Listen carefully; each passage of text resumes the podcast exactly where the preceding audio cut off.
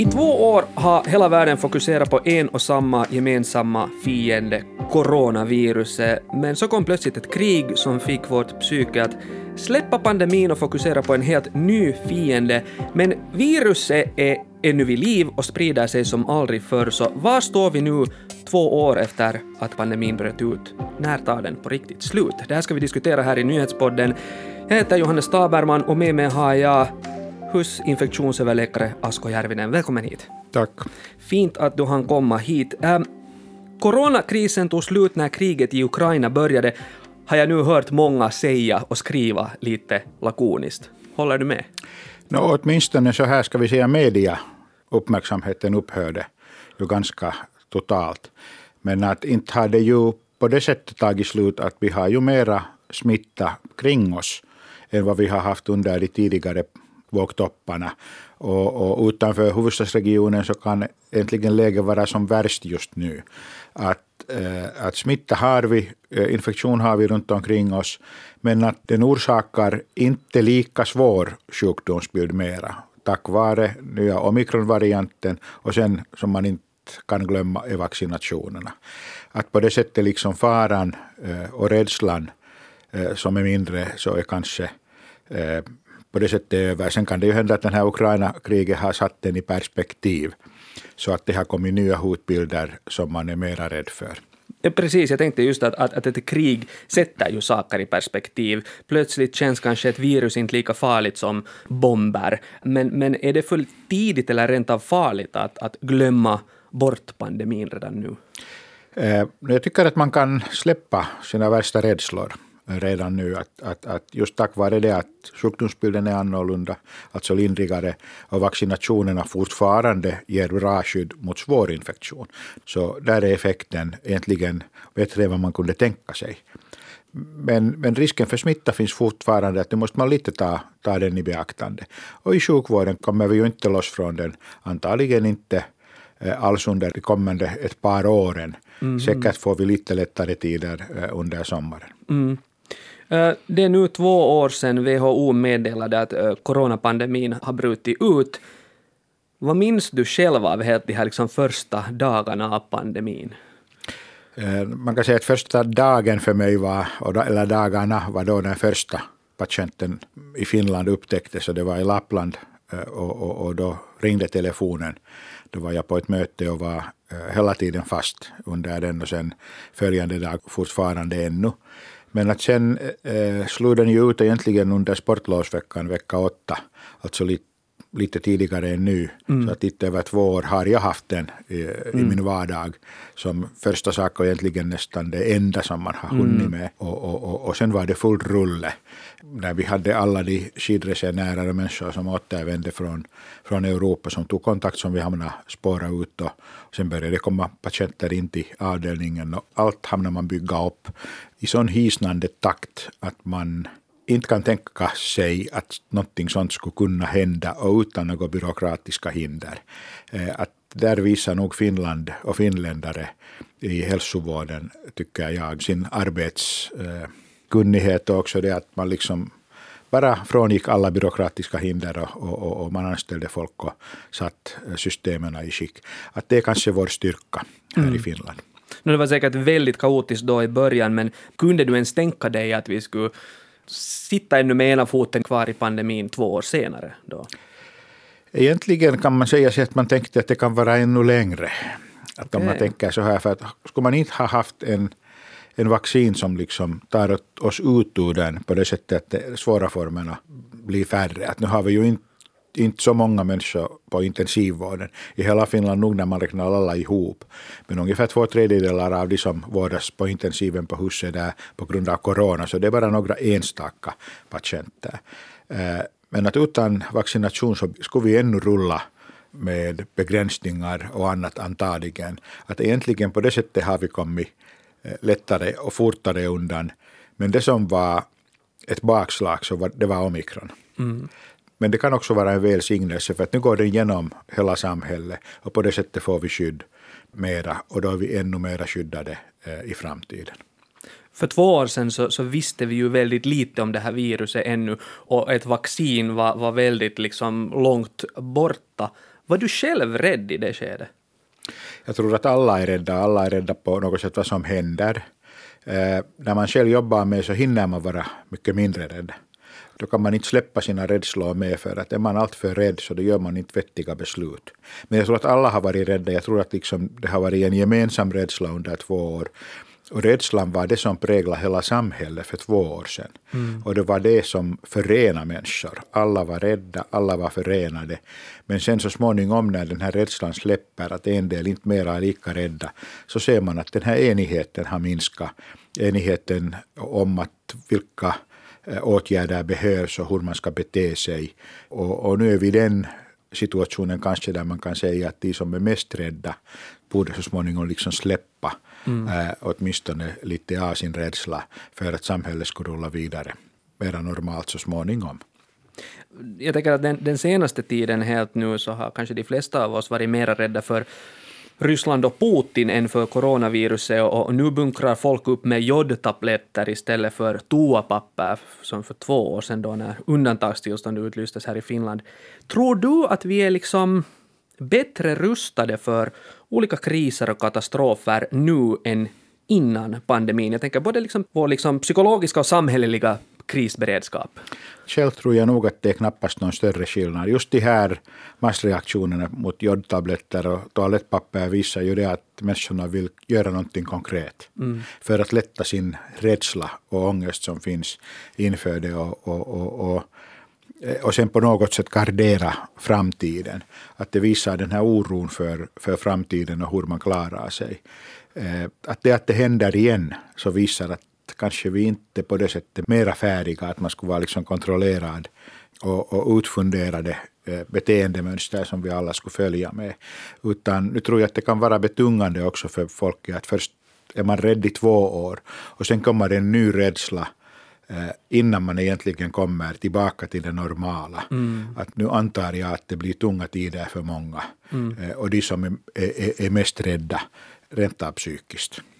Vad säger du om liksom sjukvårdens krisberedskap nu med, med de här erfarenheterna från de två senaste pandemiåren? Har den blivit alls bättre? Knappast den heller, för att vi kanske kan märka och känna igen de brister som vi har. Men det att man skulle ha kunnat lappa till de hål eh, som har funnits, så det har man inte haft tid. Eh, och man märker att egentligen eh, har det varit mest brist om personal. Och personal och kunnande på det sättet. Att man är ganska eh, specialiserad inom sjukvården och på det sättet är det inte så lätt att flytta och få människorna att göra andra uppgifter när det behövs. Man kan inte sätta en plåtlagare att reparera klockor, så att säga. Men jag hoppas att vi eh, trots den här Rysslandshotet så kan gå igenom och fundera att hur de här hålen ska lappas och hur man ska eh, vara mera beredd inför nästa pandemi som kommer. Ingen vet när, men den kommer också. Mm. Många skötare har ju sagt upp sig för att de inte orkar med sitt jobb och, och, och man hotar nu till och med vissa att gå i strejk här eh, nästa vecka. Eh, hur hårt skulle det här drabba sjukvårdssidan i, i det här nu rådande läget? Brist har det varit och det, det känns i vardagen i alla ställen redan nu. Att det, det, det känns så att det blir ännu tyngre att jobba för de som är kvar, eh, vilket märks när det har gått, pågått länge. Men att en eventuell strejk gör det ännu svårare. Då, då går vi tillbaka eh, till början av pandemin, mer eller mindre, med tanke på vården. Eh, skulle hamna använda en hel del resurser att organisera och titta att vem som behöver vård just nu och hoppas att alla de som är i behov av eh, vård så tas i beaktande. Eh, att det kan till och med hända att den, den skulle inverka sjukvården mer än åtminstone senare skeden av pandemin. Nu verkar pandemin börja släppa de flestas psyke. Folk återvänder till sina arbetsplatser igen. Folk går på krog, teater, bio. Eh, samhället öppnas upp, restriktioner slopas. Samtidigt ser vi nu att, att omikronvarianten fortfarande sprids i otroligt snabb takt runt om i, i Finland. Så, så var står vi riktigt nu egentligen? Man kan säga att vi har äntligen en sorts slutspurt, om man skulle göra försöka säga det sådär liksom kort. Mm. Men att om man ser att de här restriktionerna har lättat så i synnerhet när beteendemönster har förändrats. Mm. Så här i huvudstadsregionen så äntligen står vi ju stilla. Att vi går på samma nivå för fjärde veckan nu eh, efter det att, att vi kommer inte mera neråt i de här smittalen ja. som vi räknar varje vecka. Och i andra ställen i Finland så ökar de fortfarande. Eh, och det är slutspurt på det sättet att nu sprider virus bland dem som inte ännu har fått den. Så att risken just nu är ganska stor för att få smitta om man inte hittills har fått den.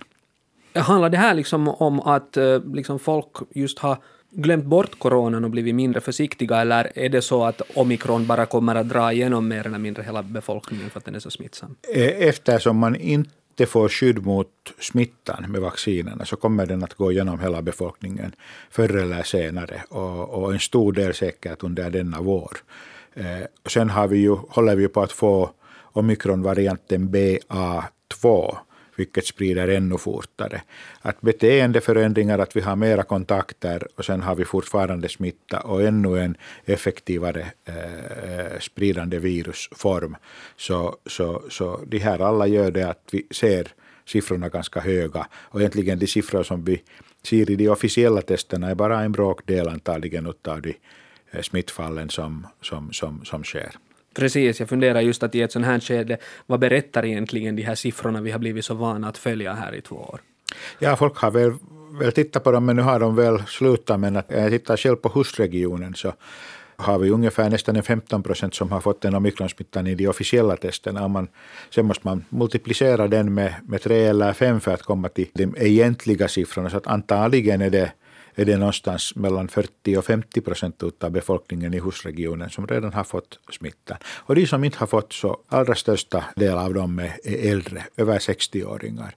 Och, och, och, och, och härjar den där mera så, så, så då får vi kanske lite mera patienter till sjukvården. Så sjukvårdspatienter räcker till och sen har vi ännu ovaccinerade som eh, en ganska stor del som ännu eh, hämtar patienter till sjukvården.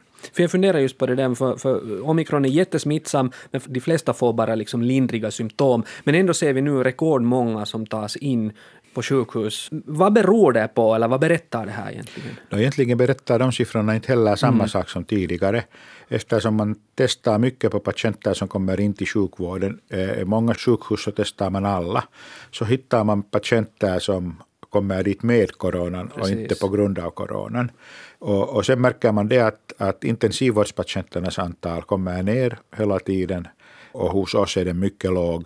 Eh, medan sen i hälsovårdscentralsjukhus, det vill säga äldre människor, så där ökar sjukhusvården och det är säkert där som den kommer att vara högst under vårens lopp. Din coronakollega Mika Salminen från THL, han, han, han ser optimistiskt på pandemiläget och enligt honom är pandemitoppen nådd och det mest akuta läget över. Det här sa han så sent som idag under eh, THLs senaste coronainfo. Eh, börjar pandemin nu verkligen vara slut? Nu kan man säga att nu börjar den vara, som jag sa här tidigare, så är det slutspurt. Mm. Att vi fortfarande spurtar äh, med smitt, smittfallen, men att dess inverkan på samhället kan man säga är mycket mindre. Inverkan på sjukvården har minskat och hotet för sjukvården har minskat. Och i och med att vi kommer mot sommaren så tror jag att de här smittfallen också äh, blir låga. Äh, så att lite, lite uthållighet ett par månader. Sen, sen kan man säga att man kan hoppeligen glömma eh, risken under sommaren. När tar pandemin egentligen slut, eller vem bestämmer det? Är det också WHO som bestämmer det här? No, WHO har deklarerat pandemin och WHO sen deklarerar att den har slutat. Mm. Men att där tittar WHO ju hela världen. Eh, men att sen kan man ju tänka sig att pandemin slutar mellan var och ens öron då när man inte mera är rädd och börjar bete sig mera normalt. Och sen kan man ju säga att i media har ju pandemin slutat i Finland redan. Att den slutar så här så småningom. Steg för steg. Eh, steg för steg eh, och, och, och, lite i olika takt för oss alla. Mm. Eh, jag råkar själv se Mika Salminen på promenad i mina hemknutar häromdagen när jag köade efter kaffe till ett fullpackat café. Och det var intressant att följa med det här för att alla kände förstås eh, eh, igen honom. Få ansikten har vi ju sett så mycket som ditt ansikte och Mika Salminens ansikte. Och alla följde noga med att uh, skulle Mika Salminen ställa sig i kön med alla andra och tränga sig in i det här kaféet uh, för att få sitt kaffe eller skulle han gå vidare? Nå, Mika Salminen han, han, han lovade lite runt kön, kolla läge och, och bestämde sig sen för att det är säkrare att traska vidare. Och jag började fundera liksom att kanske pandemin är över när Mika Salminen och Asko Järvinen i lugn och ro kan ta sin kaffe på ett överfullt café utan att behöva tänka efter så noga. Skriver du under det här? Eh, no, delvis, men sen också måste ju alla göra en individuell beslut och, och riskbedömning. Och, och, har man haft smittan nyligen, är man vaccinerad, så kan man ta riskerna mycket mera. Att vi som har haft den nyligen så kunde ställa in i den här fulla kafén. Men att om man inte har haft så borde man fundera att det är mera var och ens egen pandemi och riskbedömning som man måste göra. Asko Järvinen, husinfektionsöverläkare, tack för att du gav dig tid att komma hit. Du har lyssnat på nyhetspodden med mig Johannes Taberman, Ami Lassila är producent, Satu Ulmanen skötte tekniken. Fortsätt lyssna på oss.